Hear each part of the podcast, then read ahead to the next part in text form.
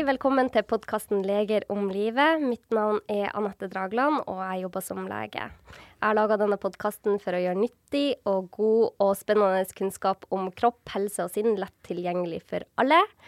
Og i dag så skal vi ha en veldig spennende gjest eh, sammen med meg. I dag har jeg han Nils Ingar Odne.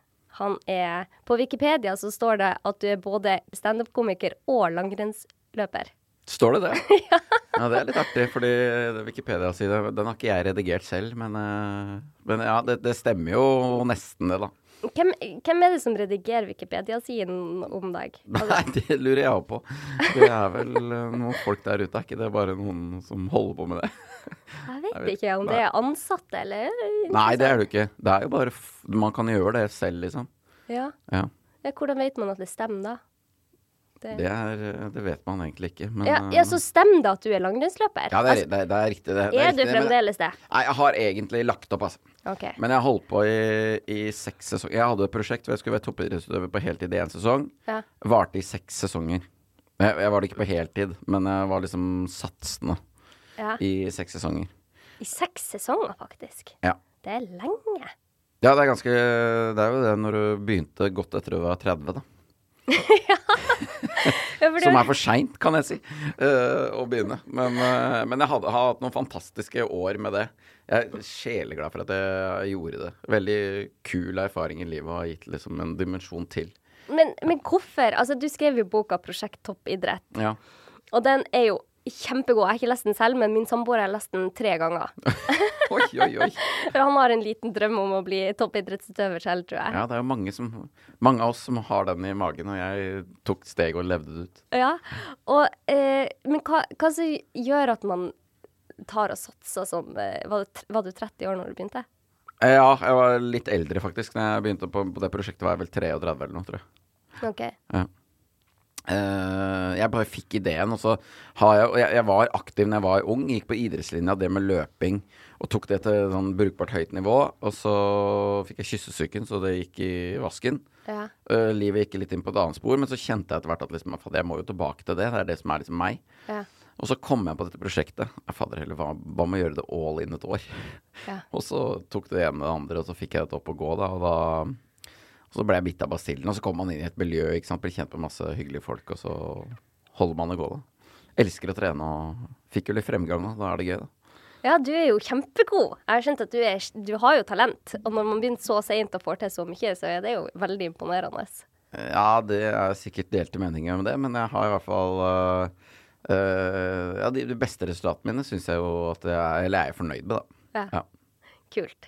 Du var på lag med Øystein Pettersen, var du ikke det? Jo, ja, han, det er har, riktig. han har vært gjest her. Utrolig ja, fin fyr. Kjempefin fyr. Fantastisk. Og hvis, uh, han starta jo Team B-bank, og når jeg starta prosjektet, ja. så vi på en måte gikk inn i hverandres prosjekter. Og det var, ja, var en veldig kul reise. Men nå er du standup-komiker på heltid? Absolutt. Og du Det er jo strengt at det jeg har levd av de siste 15 åra omtrent. Ja. ja. Og, og eh, nå eh, turnerer du Hva heter det? Turnerer du? Nei, det blir feil. Jo, det, det er riktig, det. Er det det ja, det er helt riktig. Okay. Turnerer. nå turnerer du rundt om i hele landet. Ja. Og jeg hørte et intervju med deg der ja. du sa at vi nordlendinger er kanskje de mest takknemlige folkene. Ja. Og da ble jeg veldig varm i hjertet. Hva mener du med det? Nei, det, det, er så koselig å komme til Nord-Norge, for dere blir så fornøyd med at han kommer oppover. Ja. At det er, det er sånn Fader, så kult at du gadd å ta turen. Altså, det, man blir helt sånn. uh, og så er de liksom uh, Jeg spilte et eller annet sted der oppe der. Det, det, har skjedd flere ganger at det er familiemedlemmer av kulturhussjefen som henter meg på flyplassen, og det er liksom Virker som en sånn felles prosjekt at vi får til kultur her, liksom. Ja. Uh, og det blir man veldig glad av, da. Så det er, det er storkos meg. Jeg har vært én helg i Nord-Norge, i Nordland, og så skal jeg to til da, i høst, så det blir bra. Og du skal til Sortland, og det er veldig artig. Sortland ja. er en. Vi ble jo vi begge ble jo enige om at Vesterålen er den fineste plassen i verden. Ja, du ble enig om det. på vegne av oss.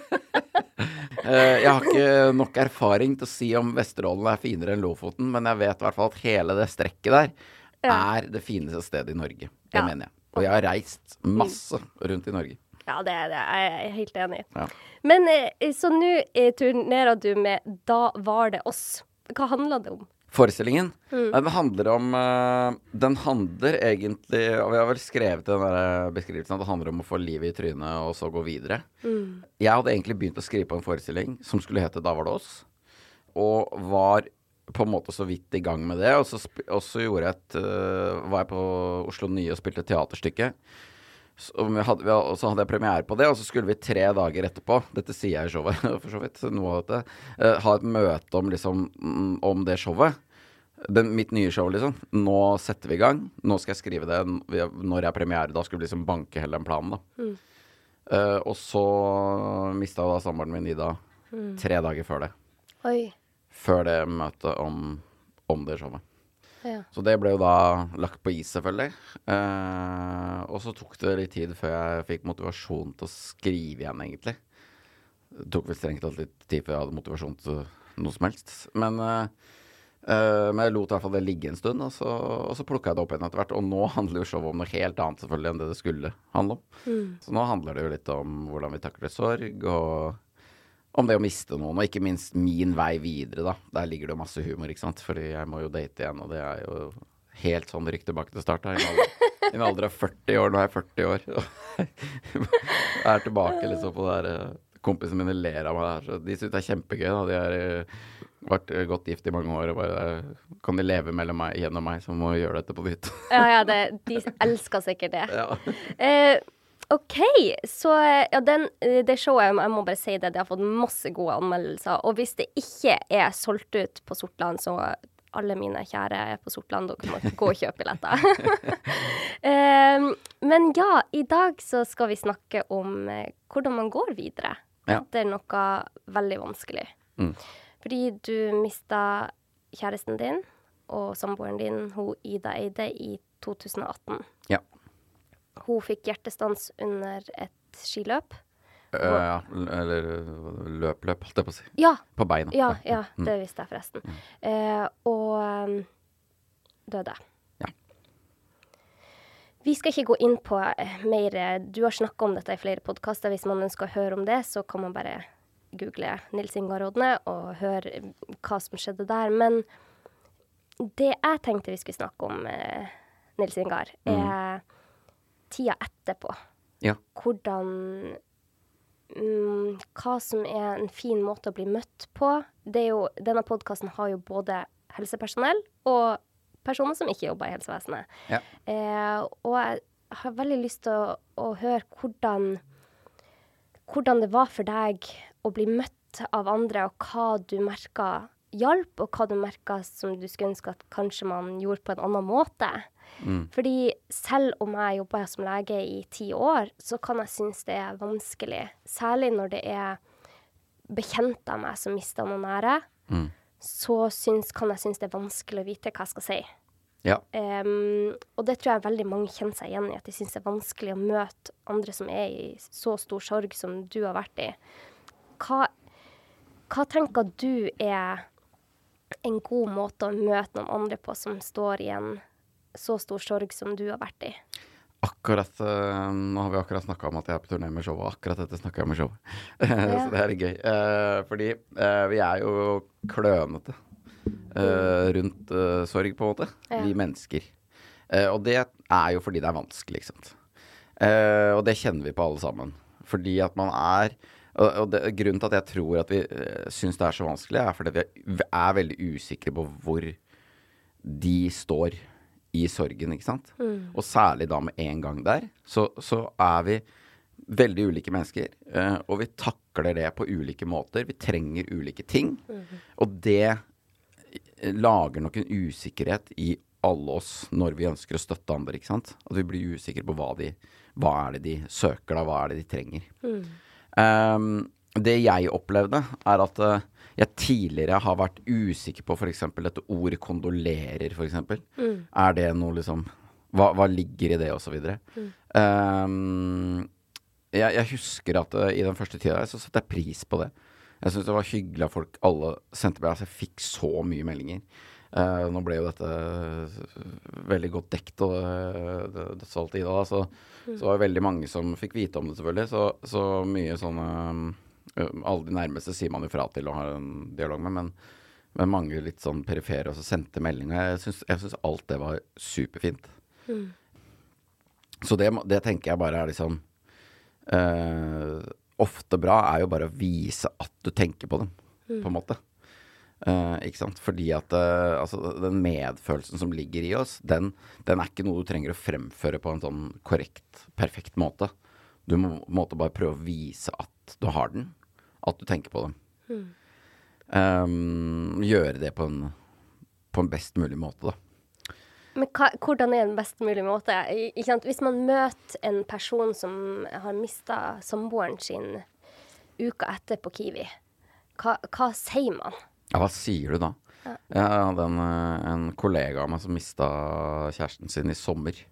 Ja. Da sto jeg plutselig på andre sida uh, og tok meg selv i å bare være kjempeusikker på hva jeg skulle skrive, jeg skulle si til han. Uh, Snakka med han på telefonen og bare Og så, så tenker jeg liksom Tenk at jeg er usikker på det. Som har liksom uh, Som har stått i det selv, da. Uh, så må jeg liksom bare minne meg selv på Men, men husk det, Nils, at liksom Du satte jo pris på bare at folk bare sa det. Ikke sant? Det er noe med det. Det, det er deilig, syns jeg. Jeg syns det var deilig når folk bare sa det rett ut. Sa, jeg, jeg hørte om hva som skjedde. Altså helt grusomt. Jeg håper det går bra med det. Et eller annet i den duren, da. Enn at de var sånn mer usikre og var sånn Der er du, liksom. Eh, du Ikke nevn det, liksom. ja, ikke Bare nevne det, og du merker, du merker at, de, at de tenker på det, på en måte. Og er usikre på om de skal si det eller ikke si det, og sånne ting. Så jeg syns det var veldig deilig med de som bare uh, Bare bekrefta at de hadde fått det med seg, og, og, og sa at de både tenkte på meg, da. Så hvis man møter noen eh, noen uker etterpå, Mm. tilfeldig, så er en fin måte å bare si Hei, jeg hørte hva som skjedde, jeg er veldig lei meg for det. Eller ja. jeg tenker på deg. Ja. Ja, jeg jeg syns det var fint. Og så kan så, så er man jo man er, jeg, jeg blir jo redd nå for å gi sånne konkrete råd, for Ja. man vet jo ikke hvordan andre Nei. folk vil ha det. Nei. Eh, 100% Men jeg syns det var fint. Mm. Jeg syns det var uh, behagelig og deilig, og eh, at folk bare anerkjente det, liksom. Men eh, sånn som med blomster, ikke sant. Det er jo en vanlig måte å vise omsorg på her i Norge. Ja. Ble det for mye blomster, eller syns du det var fint at folk sendte blomster? Det ble iallfall uh, mye, mye mer blomster enn jeg hadde vaser til. Søsteren min eh, kom på besøk nå og bodde hos meg noen dager rett etter det skjedde der. Så hun, eh, hun begynte med sånne halvannen liters flasker og klippet opp de og lagde vase av de. Åh, For å få, måtte få plass til alt. ja. Uh, så Men jeg syns jo det også. Det, det også for meg var bare Det også var sånn var på en måte bare en bekreftelse på at folk tenkte på meg, da. Eh, og jeg har uh, Jeg satt veldig pris på det. Ja. At man liksom fordi, og, og særlig også når man blir kanskje litt Eller er liksom over den ungdomstida, så så i hvert fall i mitt liv, og jeg tror ikke mange kan, kan kjenne seg igjen, at da, da sprer vennene seg litt utover. Ikke sant? Fordi folk får seg jobber, folk øh, bosetter seg et sted og har kanskje omgangsvenner litt rundt der, som er øh, folk som er sammen med barna deres og litt sånne ting. ikke sant? Som gjør at det, det, det er vanskelig å holde den der nære kontakten med alle disse vennene du har skaffa deg i løpet av 30-40 år. da. Mens jeg oppdaga plutselig at når dette skjedde, så fikk jeg blomster fra alle dem, og mange av de sendte sammen, og de hadde snakka sammen og sånne ting. Og det er sånn at jeg nesten blir rørt av nå også. Fordi at eh, man merker at de da liksom De har snakka sammen og sett vi må sende noe til Nilsi. Og det er jo helt fantastisk. Så, så sånne ting syns jeg man skal gjøre. Det syns jeg man skal gjøre. Så du satte pris på det? Jeg satte pris på det. Ja. Du leste meldingen og, og kortene, og det ble, det ble ikke For at det jeg av og til har tenkt, blir det for mye? Jeg hadde en gang en, en nabo eh, for mange år siden der sant, man snakka over hekken. Og så, eh, men man kjenner ikke hverandre som kjempegodt. Og så døde mannen i huset, da, på tragisk vis. Og man blir så usikker. Eh, hva skal man gjøre? Sant? Man ser at det kommer masse blomster på døra deres, og det stopper folk hele tida utfor de første dagene. Tenker, hva, hva kan jeg gjøre? For jeg, man får så lyst til å være til hjelp. Man får så lyst til å vise omsorg. Så det jeg gjorde, at jeg bakte to brød og bare pakka det inn i en, et håndkle og med et kort og sa vi er veldig lei oss for det som har skjedd, og vi tenker på dere. Eh, og la, jeg bare la det utfor døra. Jeg, jeg vil ikke forstyrre det, ikke sant? for det er, så, det er så mye som skjer. Men jeg tenker at det, for meg så var det veldig, det var veldig godt å vise at jeg brydde meg.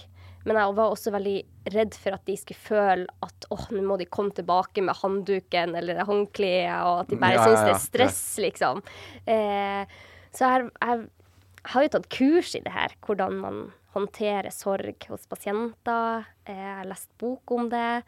Men det, den der usikkerheten er der hele tida fordi at vi er så forskjellige. Vi håndterer sorg på så forskjellig vis. Og vi ønsker kanskje forskjellige måter å bli møtt på. Ja. Men for din del så merka du at det var fint. Det var fint med all den omsorgen. Det ble ikke for mye, følte du. Nei, det var jo øh, Jeg tenkte jo etter et par uker der at det var liksom Da var det litt mange som spurte om vi skulle møtes, og så føler man Da fikk jeg litt sånn dårlig samvittighet fordi man, man måtte Jeg satte veldig pris på at alle hadde lyst til å møtes. Ja. Men så skjønte jeg på et tidspunkt at jeg kan jo ikke møte alle de. Nei. Fordi det, det orker jeg jo ikke. Da Nei. gjør jeg jo ikke noe annet enn å møte folk absolutt hele tiden døgnet rundt, og det har jeg ikke kapasitet til nå. Mm. Så, men, men akkurat den første fasen syns jeg var fint. Og, sånn som det du gjør der, tenker jeg at det er superfint, da. Uh, fordi det uh, Altså, tenk det motsatt tilfelle i det øyeblikket vi ikke bryr oss på den måten. Det er jo helt forferdelig. Hvis samfunnet på en måte kommer dit. Vi må jo Vi må bry oss. Om, om, det, og de, de som er rundt oss, om samfunnet rundt oss, og om de over hekken, liksom. Så det å bare Det er jo en kjempefin oppmerksomhet. To, Bak to prøver å legge deg. Det er, det, jeg er helt sikker på at de satte pris på det, liksom. Ja, det tenker jeg òg. Ja. Eh, men hvordan, eh, hvordan er det Ble du møtt av helsepersonell? Var du innom helsevesenet? Ja, absolutt.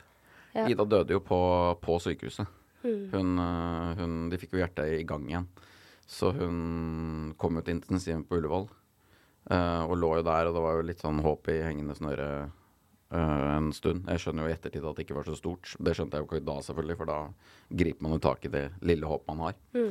Eh, men øh, Så hun døde jo der, så vi var jo, vi var jo absolutt Vi var jo rundt helsepersonell når det skjedde, og fikk jo beskjeden fra legen på sykehuset på natta. Og, og det har jeg jo alt godt å si om. For det var helt fantastisk. Uh, legene var kjempeflinke. Uh, de er jo ikke de som er tettest på, fordi at de er jo leger på sykehus, og de har masse å gjøre. Så de er jo mer innom, stillediagnosen, tar den hva skal man si, verste praten. Som å tenke for dem er en forferdelig oppgave. Uh, uh, ser jo på han at han ikke Uff, det er tungt. ja, det er tungt, ikke sant. Men så går jo han videre. Han har jo mange andre pasienter som venter. Så er det, og da er det liksom neste ja, døgnet vi var der, nesten, da. eh, så var det jo sykepleierne som tok hånd om oss, og de var helt fantastiske. Jeg tenker jo at uh, hvis det hadde bare jobba sånn i norsk helsevesen, så hadde alt vært uh, helt på stell, og det kan godt hende det er. Fordi jeg har jo bare opplevd dette ene. Men, Ja. men det var i hvert fall De var Ja, de, de tok hånd om oss og, og hjalp oss gjennom den akutte fasen der.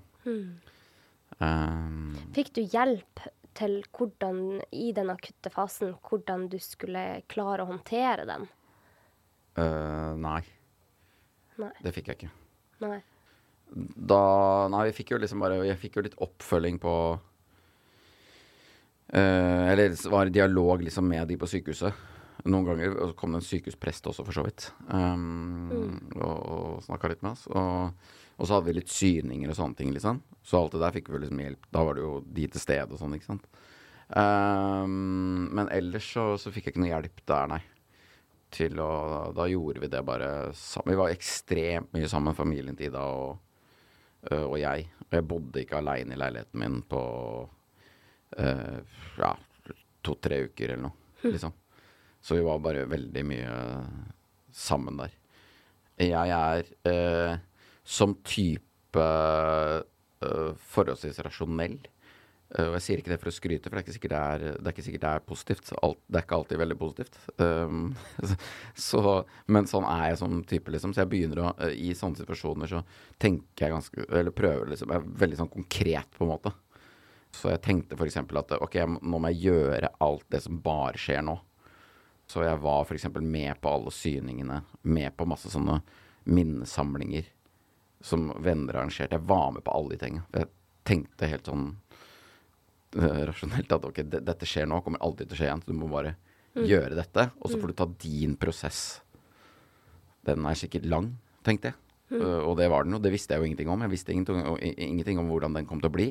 Mm. Men uh, jeg tenkte at det får vi bare ta senere. Jeg satte meg sånne litt sånn delmål fram til begravelsen. Husker jeg var sånn første målet. Ok, nå handler det bare om å komme seg dit. For det, inni der skal det skje masse. Mm. Sånn er det jo når noen dør. Så er det masse som skjer. Ting som må, det må organiseres, denne begravelsen, og det er mye greier. Uh, og det blir jo en sånn helt sånn Ja, helt uh, rar periode, liksom. Den er jo så intens og heftig. Så den rasjonelle delen av hjernen din tok over, sånn at du gjorde alt som var riktig der og da, og du forberedte begravelsen. Altså man, man holder seg oppe med alt som skjer i den perioden. Ja, jeg gjorde det. Mm. Uh, jeg, vet, jeg, vet, ikke om det er riktig, som du sier. Nei. Det er ikke sikkert der. men, men, det var sånn men, det, var, for sånn, deg. Sånn var det for meg. Mm. Uh, sånn, sånn, gjorde jeg det. Uh, og liksom tok tak i alt det, alt det, praktiske som må gjøres nå. Og det ser jeg jo går igjen hos mine pasienter òg, at veldig mange er i en sånn fight-modus. Nå skal vi bare kjøre på, vi skal arrangere alt eh, ordne begravelsen sånn, og så er, og så er det tid etter begravelsen. Når alt har lagt seg, og alle disse arrangementene eller syningene er over. Mm. Det er liksom Det er da de Det er da de kommer til meg og virkelig kjenner på sorgen, føler jeg. Ja. Da, det er da den kommer eh, Og det skjønner jeg veldig godt. Fordi at det, også oppmerksomheten fra alle andre ikke sant? Det er veldig intenst de første to ukene, til og med den begravelsen. Mm. Så går jo alle tilbake til livene sine. Sånn skal det jo være, liksom. Mens eh, livet til den som er berørt, det går jo ikke tilbake til normalen. Mm. Det gjør det jo ikke på ganske lenge, ikke sant. Så da er det jo på en måte en mer sånn Ja, det er jo, det er jo Da starter det en ganske lang prosess. Som sikkert er veldig, veldig individuell, men som man bare må, må gå igjennom. Hva gjorde du? For du sa at du bodde sammen med folk de første to-tre ukene. Ja. Men så var begravelsen over, og hverdagen var tilbake for de fleste. Og du satt igjen i en leilighet dere hadde sammen, kanskje. Mm. Um, hva, hva, gjorde du for å liksom overleve dag til dag? Uh, jeg uh, Jeg tenkte jo etter begravelsen, så tenkte jeg sånn OK, hva skjer nå, liksom? Hva nå? Mm. Um, og da var jeg fortsatt sykemeldt, så det jeg gjorde faktisk eh, etter en uke eller to etter det, var at jeg dro på treningssamling. Rett og slett. Sammen med et par andre som tilbød seg, som skulle på samling akkurat da. Mm. Eh, og tilbød seg at du kan være med, vi har et rom ledig. Hvis du er gira, så bli med, liksom. Mm. Og da gjorde jeg det, eh, og det syns jeg var veldig fint, fordi det var i Spania. Så det var liksom da var det greit å si til alle at jeg er ikke hjemme, liksom. Ja. Kom meg litt av gårde.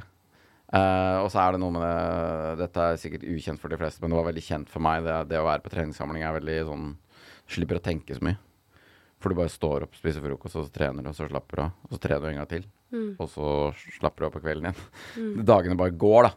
De hadde jo treningsprogram, så jeg fulgte programmet deres. Ja. Så jeg, jeg trengte ikke å tenke noe særlig på det. Så kunne, på, da, da, skjer det ting hele tiden, og det er folk rundt deg og sånne ting. Da. Så jeg mm. syns det, eh, det, var veldig fint for meg, da. For når jeg kom hjem derfra, så hadde det gått enda litt lengre tid. ikke sant? Men hele den høsten der så, så likte jeg ikke å være i den leiligheten, f.eks. Mm. Jeg, hadde ikke noe, jeg hadde ikke noe bra der.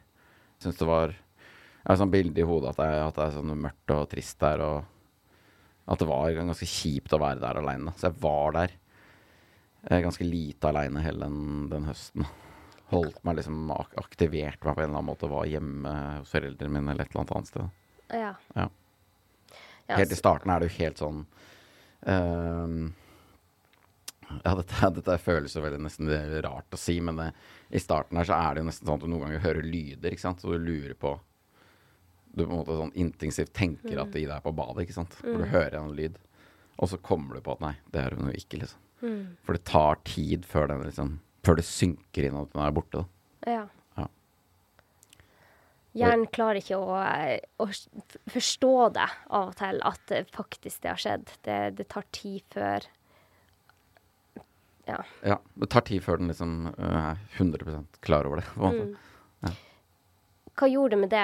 Flytta du ut av den leiligheta etter hvert, eller? Ja, jeg gjorde det, eh, men det var for så vidt planlagt før dette.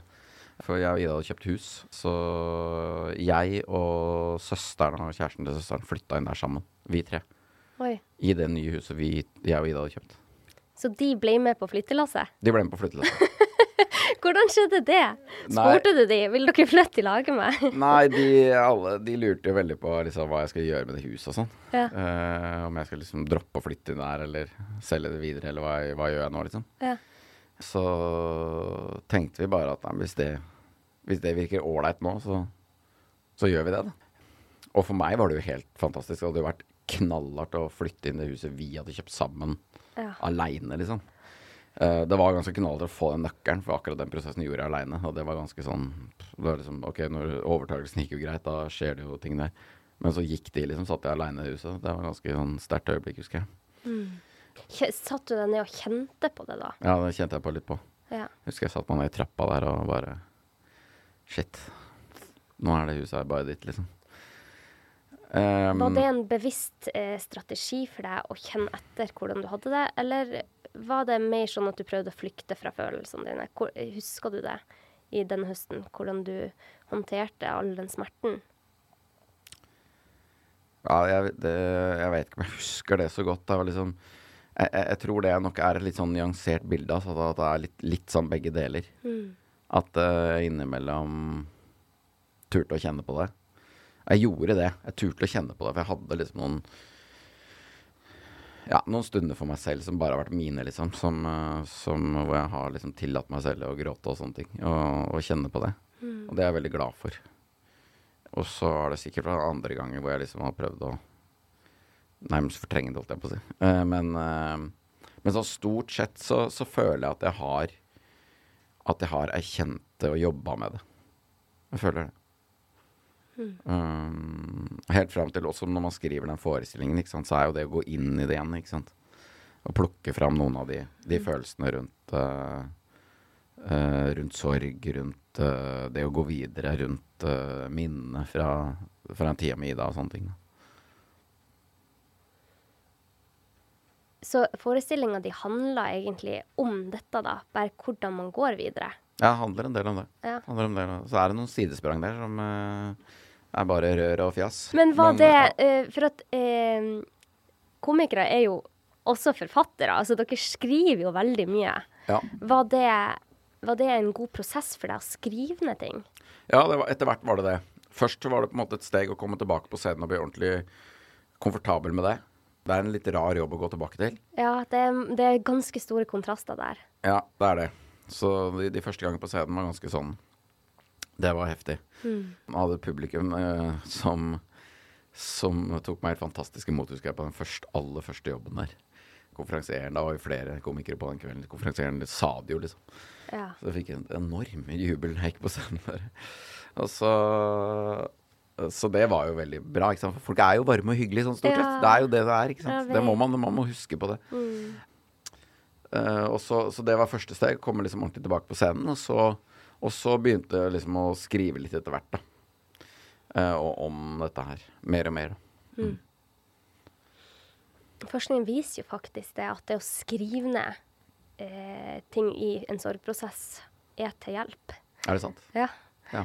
Så det, det er flere som anbefaler det. Mm. Eh, Så det er kanskje Du måtte jo gjøre det pga. jobben din, men for uh, andre så merker de stor Eller ikke stor, men de merker at det hjelper. Ja.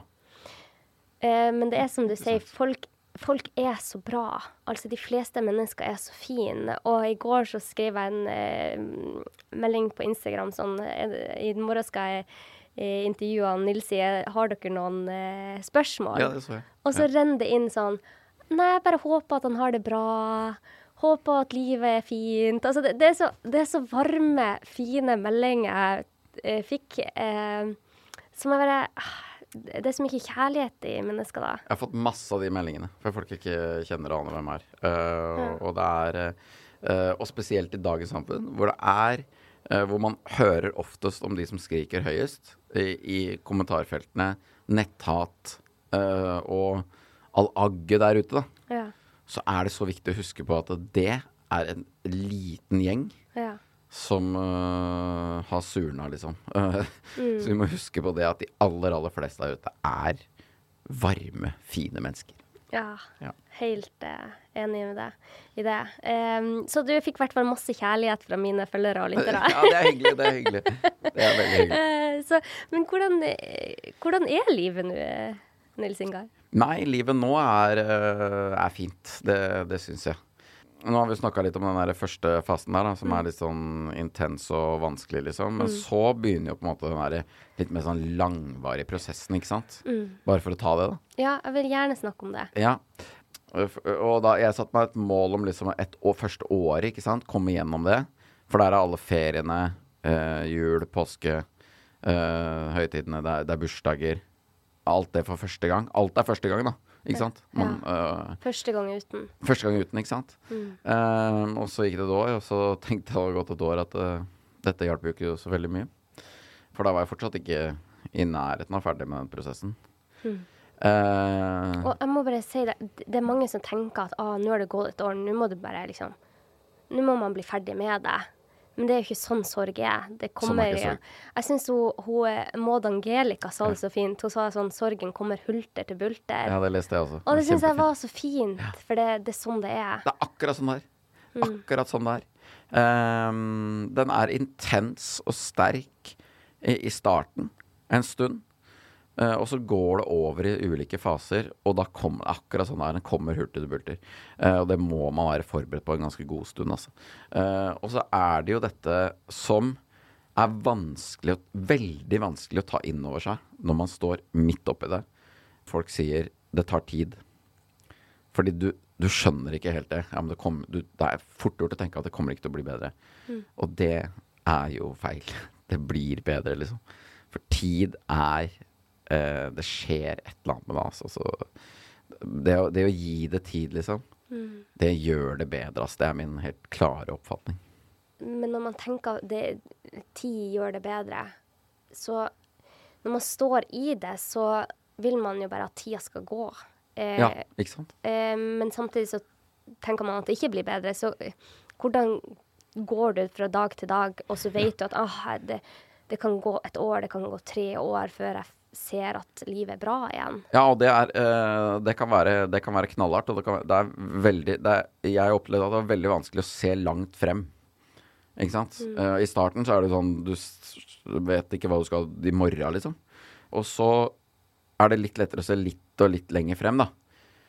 Eh, Så, så det jeg prøvde da, da kommer nok den der rasjonelle måten min å håndtere dette på, var at jeg prøvde å tenke sånn OK, men da dropper vi å se langt frem. Da bare kutter jeg ut det. Kutter ut det hva, hva som skjer i 2019, da. Som er etter jul, liksom.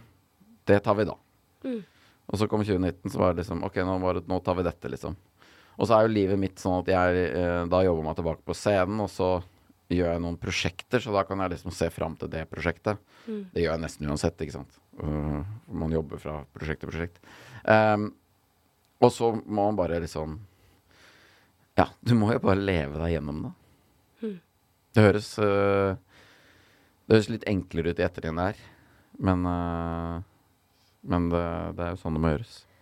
Mm, men hvor lang tid gikk det før du kjente Hadde du en sånn dag der du bare tenkte Oi, i dag har jeg det faktisk bra. Hva, hva som har skjedd. I dag kjenner jeg på glede. Hadde du noen sånne stunder, eller tok det veldig, veldig lang tid? Ja, jeg, jeg husker ikke alt, akkurat når det skjedde, faktisk. Jeg tror det er veldig sånn gradvis prosess. Men uh, Men hadde det Ja, skal vi se. Uh, Jo, det var altså det, det skjedde et eller annet etter to år. Ja. Da begynte ting å normalisere seg litt. Da begynte jeg liksom etter hvert å begynne å tenke at jeg skulle gå videre og, og litt sånne ting. Fordi um, det som var, på et eller annet tidspunkt oppi dette her, så, så merka jeg det at jeg hadde jeg hadde sørga veldig, veldig mye over at jeg mista Ida. Og det handla veldig mye om henne, og at hun var borte, liksom. Og på et eller annet tidspunkt så husker jeg tenkte sånn Men hva med meg, ja? Liksom. Ikke sant? Fordi fram til det, det var kanskje første halvåret, så hadde jeg ikke Jeg tror ikke jeg hadde tenkt et sekund på meg sjæl, liksom. Hvor, hva, skjer med, hva skjer med meg nå? Liksom. Det hadde bare vært helt i bakgrunnen. da. Så den, etter hvert så begynte den tanken å modne seg. At liksom, OK, jeg må jo faktisk øh, Jeg må jo lage meg et liv, et annet liv. Det blir annerledes. Jeg må videre, liksom. Hvor skal jeg nå? Så, og, og da går man jo og surrer litt med det. Så blir jo det en liten sånn vanskelig prosess òg, da. Men øh, man har kommet seg gjennom det òg. Så, eh, så det gikk opp for deg en dag at eh, dette er Jeg har et liv jeg òg må leve. Ja. Og da begynte du å planlegge ut ifra det, eller? ja, da begynte jeg på en måte bare å, å gruble litt over det. Eh, og la den tanken modne, liksom. At jeg også må videre og, og litt sånne ting, da. Ja. Men, men mm, jeg bare tenker sånn i denne prosessen som har vært veldig To år lenge. To år, og sørge er en lang og mørk vei. Hva kan vi som står rundt en person som sørger, gjøre når den akutte fasen har gått over, eh, men du ser ikke sant, Søstera di hun var sikkert mye sammen med deg, hun merka jo sikkert at du hadde det vondt. Eh, men hva, hva kan vi rundt gjøre som hjalp deg, i hvert fall? Nei, jeg eh, Jeg sier i showet at eh, når man mister noe man er glad i, så er det fint å bruke tid med andre man er glad i. Det har jeg hatt eh, mye glede av. Bruke tid med gode venner og sånn. Så, og det, det gjorde man jo litt mer da, og egentlig kanskje også blitt litt flinkere til i ettertid. Det er å liksom d- dra på hyttetur med kompiser og, og gjøre litt sånne ting, da. Fordi det på en måte handler mye om eh, jobb normalt sett, ikke sant. Så det er mye det det går i. Men så, så det hadde jeg Det syns jeg var fint, da. Gjøre, gjøre ting, rett og slett. da. Gå på, dra på fjell og, og trene. Og jeg hadde jo også det, det, det, det er klart at noe av grunnen til at det skiprosjektet også varte mye lenger, var jo fordi dette skjedde, ikke sant. Eh, for der hadde jeg jo et lag uh, som jeg kunne være en del av. Som uh, kjente meg godt, og de kjente også Ida. De, for hun var jo også en del av skimiljøet, på en måte. Eller ikke på en måte, hun var det. Så, så, så det ble jo fint. Da var jeg med på et par ekstra sesonger med dem, ikke sant. ja, de, de tok deg med. De tok meg med. Var eh, formen på topp fremdeles? ja, det var, var vel eh, ikke like bra, kanskje. Jo, det var ikke så verst. Jeg holdt jo på, var jo ivrig. Så, Ja. så, og det ble jo kanskje et prosjekt. Ikke sant? Det, var jo, det, var jo, det var mye lettere for meg eh, å trene den første perioden enn å dra tilbake på scenen, f.eks. Ikke sant? En, en langtur i marka på ski er jo For meg er det terapi, da.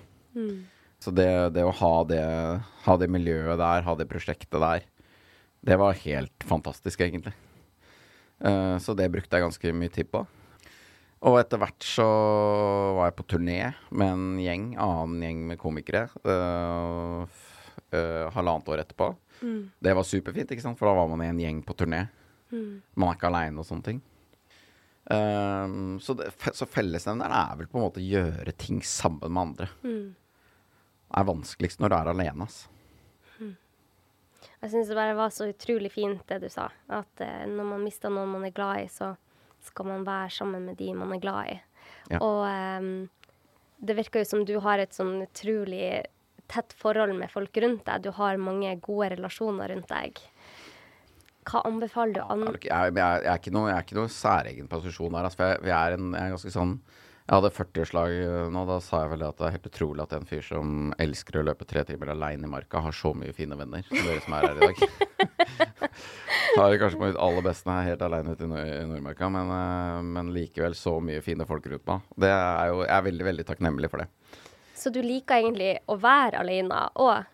Det, det, du er ikke en person som alltid må være lage folk? På ingen måte. Jeg er jo absolutt øh, Jeg er jo litt innadvendt og veldig glad i å være alene. Så for meg så var jo dette liksom jeg, Her jeg skjønte jeg at det, det går ikke nå. Ja. Nå kan du ikke være så mye aleine. Nå må du liksom ut der og være sosial. Men det er veldig Det syns jeg er egentlig veldig fint at du sier, fordi at eh, det er mange som tenker at eh, sant, hvis de er naturlig introvert, f.eks., at ja. i en sorgperiode at de trekker seg kanskje litt inn i skallet sitt. Men, men du gikk på en måte nesten ut av det og sa OK, jeg er, jeg er egentlig veldig glad i å være alene, men nå kan ikke jeg gjøre det. Nei. Nå må jeg være lage folk. Det var litt sånn. For jeg er jo en introvert øh, person, og da øh, Mens da fungerte ikke det. Så Eh, hva, tok hva, jeg Men hva gjør man hvis man ser noen som noen trekker inn i skallet sitt, da? Og du prøver å få de ut, Ja. for du vet at det, det er ikke bra for dem. Hva, har du noen tips der? Ja, si det. Da må man jo Man må jo selvfølgelig spørre om man skal gjøre ting. Og da tenker jeg at du må prøve å liksom Antakeligvis da så kjenner du personen ganske godt, da. Så da må du liksom prøve, prøve å uh, spørre om å gjøre ting som du vet at vedkommende liker, da. Ikke sant? Altså ta hans eller hennes interesser. Og liksom ta initiativ til å finne på noe innen det. Det tenker jeg at er smart, da. Sånn at det blir lett, litt lettere å takke ja, ikke sant. Uh, Er det noe som du har tenkt på i ettertid at du skulle ønske at folk visste når man står i en sorg, eller at man skulle ønske at folk gjorde når man har det så vondt som du har hatt det? eh.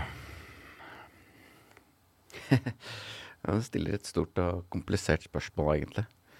Um, jeg tenker jo at, uh, at det er viktig at man ikke gjør det uh, for uh, vanskelig, rett og slett. da. Eh, at man ikke overkompliserer det, verken for seg selv eller, eller hvis man har lyst til å støtte noen. men at det måte at det handler om de små tinga. Eh, du bakte to brød, liksom. Eh, det er ikke så veldig komplisert opplegg. Det, er- det, det handler litt om de, alle de små tinga der. Det handler om å liksom bare gå en tur sammen, eller, eller finne på noe, eller bare vise at man er til stede for noen, da. Det tror jeg er, det tror jeg er, er viktig. Altså bare liksom uh, Ja, si, uh, den derre Bare at man vet at Sånn som det langrennslaget mitt. Altså bare sa du kan være med på alle de skirenna du har lyst til å være med på. Og da, da, da åpner du på en måte bare den døra. Og så er det litt opp til meg. Og det, bare det, det å bare ha den døra åpen, det er veldig fint, altså. Så det tenker jeg at det er liksom Er bra at man bare liksom sier at man er der, at man Ja. Gjør, man trenger ikke å ta en weekendtur til London, liksom, hvis du skjønner. Så da, det handler om bare Skal vi gå i parken? Ja. Drikke en kaffe, liksom. Altså, ja. Trenger Gjør det bare, enkelt. Gjør det enkelt. Mm. Um, jeg syns det er kjempefint å prate med deg, eh, Nils Ingar. Uh, det, du har jo gjort deg mange refleksjoner om dette, og så har du jo vært åpen om det, Mm. uh, som jeg tror har vært stor hjelp for andre. Mm. Og du har jo starta et Ida Eides minnefond. Ja, det er riktig. Hva, hva er det for noe? Ida Eides minnefond er jo ehm, Det var på en måte eh, Det var en bitte liten snøball som har blitt mye større enn vi trodde, da. Den har rulla litt. Uh, fordi når Ida døde, så ble det jo som sagt veldig mye oppmerksomhet rundt det. Det var mye media og sånn, så vi skjønte at det liksom her kommer det her kommer det kanskje litt vel mye blomster. Eller det er, her, det er, her er det veldig mange som har lyst til å si at de har lyst til å støtte, da. Så vi bare fikk et tips om dere burde sette opp et minnefond, liksom. Og så kan dere bruke det til noe. Og så gjorde vi det. Jeg kalte Ida et minnefond, oppretta bankkonto. Eh, og så kom arbeidsgiveren hennes uh, med et ganske stort beløp. Oi. Fordi hun var nominert til en pris og noe greier. Som, ja, der. Uh, så de smakka inn noen hundre tusen på den kontoen. Og da skjønte vi at det, Nå kan ikke det bare være en bankkonto. Det må være noe, vi må gjøre dette litt ordentlig. Ja. Så da plutselig, da oppretta vi dette minnefondet og, og utvikla det. Og lagde sånn logo og, og etter hvert liksom fått litt sånn sving på det, da. Eh, og så har vi fått masse støtte fra Gjensidigestiftelsen etterpå, som gjør at vi har kunnet gjort det ganske stort arbeid. Så, så da, der har vi jo Der deler vi ut hjertestartere um, til idrettslag i Norge. Retta oss mot idrettslag. Um, man kan søke på nettsida vår om å få det. Og så deler vi ut til de vi har mulighet til å dele ut til. Og de siste årene så har vi kunnet delt ut eh, 80 i året. Takket være en støtte fra Gjensidigestiftelsen. Så Så, så det har jo blitt noe veldig fint. Det har vært veldig sånn Jeg det har vært veldig fint å ha det å, å drive med, da. For der føler man jo virkelig at man gjør noe, noe samfunnsnyttig, da. Hvis bare, vi kan, hvis bare den hjertestarteren er på riktig sted til riktig tid én gang, liksom, så vet jo vi hva de rundt den personen det gjelder, slipper å måtte gjennomgå. Da. Så det, det er viktig. Og så er hjerte-lungeredning er jo, jo Har jo lært litt mer om det etter hvert. Det er jo utrolig viktig at alle kan. Um, fordi vi har et uh, utrolig bra helsevesen. Men som uh, disse legene i, i den dugnaden sier, som vi er en del av, sammen redder vi liv, uh, at det som skjer de ti første minuttene når noen får en hjertestans, det er viktigere enn de første ti dagene på, inne på sykehuset etterpå. Det er mye mer utslagsgivende uh, de første ti minuttene. Uh, og de som er der de første ti minuttene, det er veldig ofte oss alle. Det er noen av oss. Vi vet ikke hvem som vil oppleve det, men noen av oss vil komme i en sånn situasjon hvor vi møter en livløs person. Desto flere som vet hva de skal gjøre da, desto flere uh, redder man. Mm. Enten altså overlever, og man minimerer skadene. Hvis folk kan det. Så førstelinja i det arbeidet er rett og slett oss alle. Og det er um, Det tenker jeg at det er viktig at vi sier ganske mange ganger. Og det, det er ikke så vanskelig å lære seg basal hjerte-lungeredning. Jeg hadde nettopp en episode om det med en, eh, en helt rå dame som heter Liv Berit Stenseth. Hun er anestesilege. Og eh, der har jeg linka til kurs man kan ta på nett, som er Altså, man bruker 30 minutter, så kan man ganske mye. Em, men Berit hun sa noe som har liksom satt litt sånn støkk i meg, og det er det at hun hadde en far i klassen til sin sønn som fikk eh, hjertestans. Og han var heldig fordi at han hadde tre kompiser han jogga i laget når han fikk hjertestans. Og det var tilgang til hjertestarter. Altså, jeg husker ikke om det var eh, innen få minutter. Ja. Hadde han fått eh, starta hjertet sitt på nytt Ja. og fått det i gang. Så han overlevde.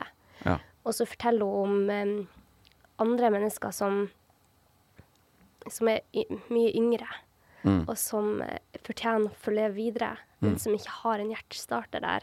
Og liksom det, har, det har så mye å si, da, at eh, de hjertestarterne At man har det i nærheten. Og, og dere gjør bare en sånn utrolig fin jobb, eh, Nilsi, for det, det er kjempeviktig.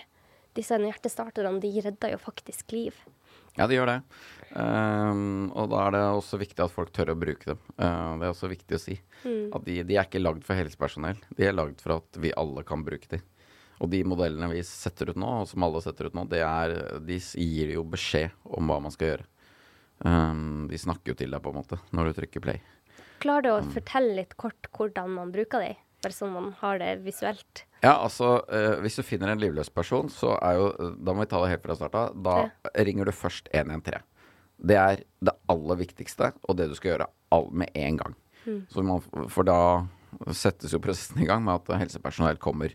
Og da får du også hjelp av dem på 113-sentralen. Så det er det aller viktigste. Gjør det aller først. Sjekk om det er puls. Hvis det ikke er puls, må du sette i gang hjerte-lungeredning. T- 32, to innblåsninger og 30 kompresjoner. Ta i ordentlig. Om det går par ribbein når du Det spiller ingen rolle. Strake albuer. Mye lettere å få kraft av. Mye lettere å få krafta. Og så er det jo øh, hjertestarteren, og den, øh, den skal jo da ha én elektrode øh, nede på venstre side og én oppe på høyre side. Eh, og om det er omvendt, det tror jeg ikke er så farlig, for den skal sende bare uh, støt gjennom hjertet, liksom. Fra det ene til den andre elektroden. Fest de på kroppen. Uh, og så får du jo beskjed fra hjertestarteren når du skal støte. Det sier Da, da sier hjertestarteren sånn Ta håndene vekk fra pasienten. Trykk på støt. Og så trykker du på støt. Så derfor holder du deg egentlig beskjedene til hjertestarteren. Ja. Så det er, eh, det er en undersøkelse som viste at det var veldig mange som var redd for å bruke en hjertestarter. Det er ikke noe farlig. Eh, fordi eh, hvis den finner puls, altså at hjertet ikke har stoppa, Ja. da gir den ikke noe støtt. Fordi det, det skjønner de nå. Så det, da får du beskjed om å ikke gi det. Eh, og den gir, gir det ikke heller. Så det, eh, det, er jo eh, også en grunnregel i en sånn situasjon er at det verste du kan gjøre, er jo ikke gjøre noe. ikke sant? For da vet du jo at det går dårlig. Så hvis du, eh, hvis du på en måte Hvis du skulle gjøre noe, og det er litt sånn feil, så er det fortsatt veldig mye bedre enn å ikke gjøre noe. Fordi hvis du ikke gjør noe, så går det garantert ikke bra. Kjempefint. Og hvis dere vil lære mer om det, så kan dere høre den episoden jeg hadde om førstehjelp for eh, noen eh, episoder siden. Det er jo helsepersonell som kan forklare dette enda bedre enn meg. Jo, men du Jeg gjør bare- det så fint, og det er jo bare- vanlige folk som møter. Ja, ja, ja. eh, Det, det er jo som eh, regel vanlige folk som treffer på en person som har falt om. Ja. Altså, Samme Redd ved liv-dugnaden har faktisk lansert en, eh, en ny sånn eh, app uh, i disse dager.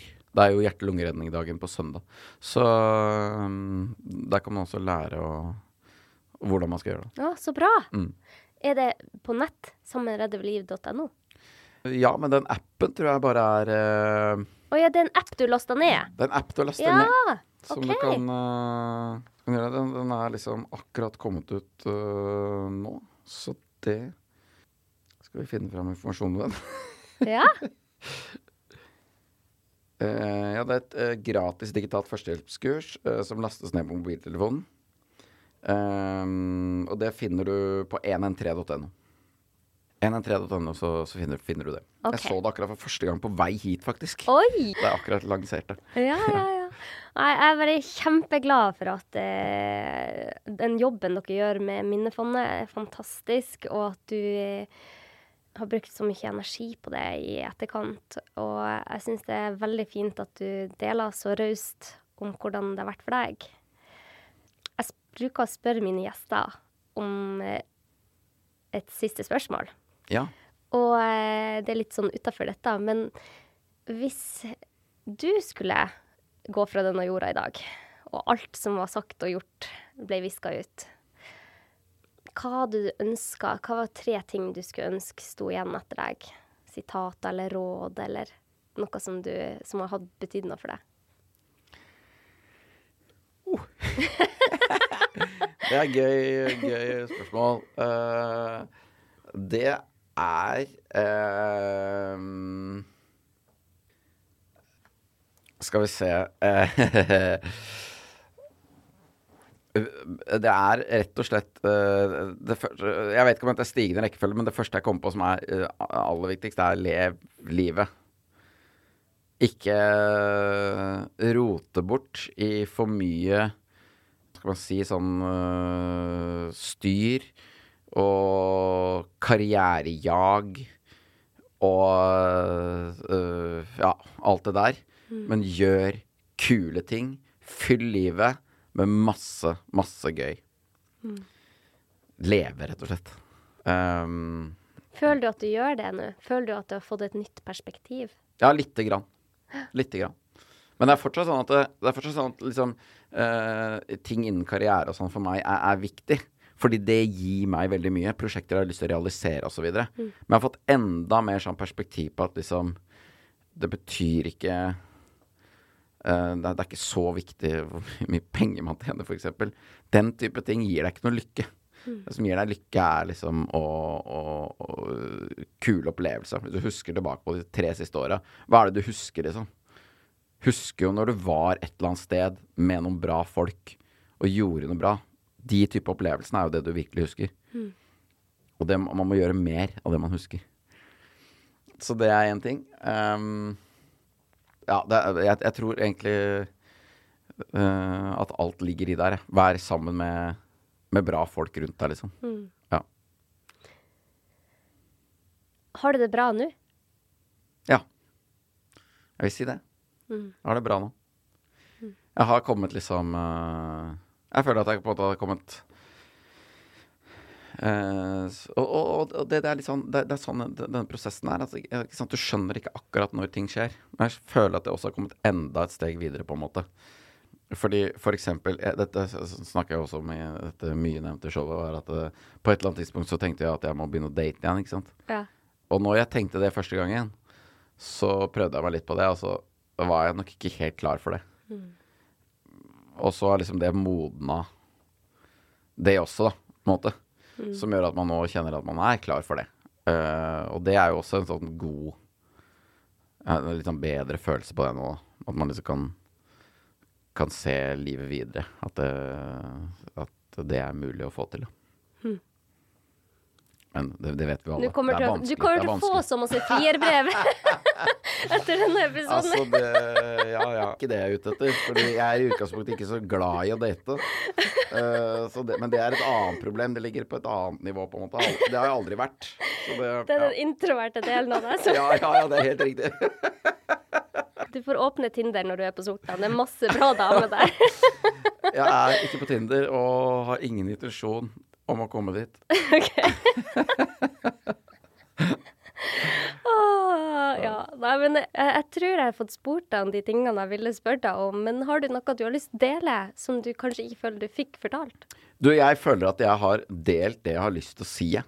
Uh, det er jo nok en gang uh, Så tenker jeg at det er veldig fint å snakke om det. Det kjenner man på etter at man har hatt en sånn prat. Eh, og det sier, man, det sier jo litt om det. Apropos uh, verdensdagen for psykisk helse som var nå akkurat. Det å ha samtaler om ting, ass, det er, uh, det er bra. Mm. Så et, det- er sikkert sagt før, men i forbindelse med det var masse sånne plakater som ble delt på den dagen på mandag eller når det var. At det er nesten umulig å være menneske alene.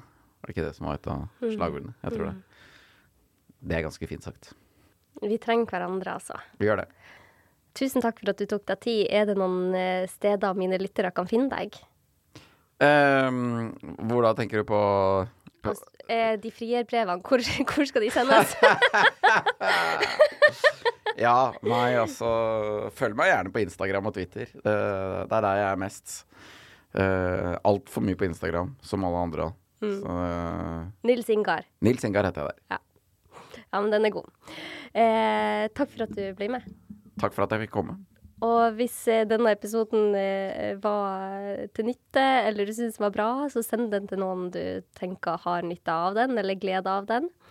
Og eh, hvis du ønsker å komme med tilbakemeldinger på denne episoden, så skriv under kommentarfeltet på Instagram eller Facebook. Og med det så takker jeg for i dag. Ha en kjempefin dag.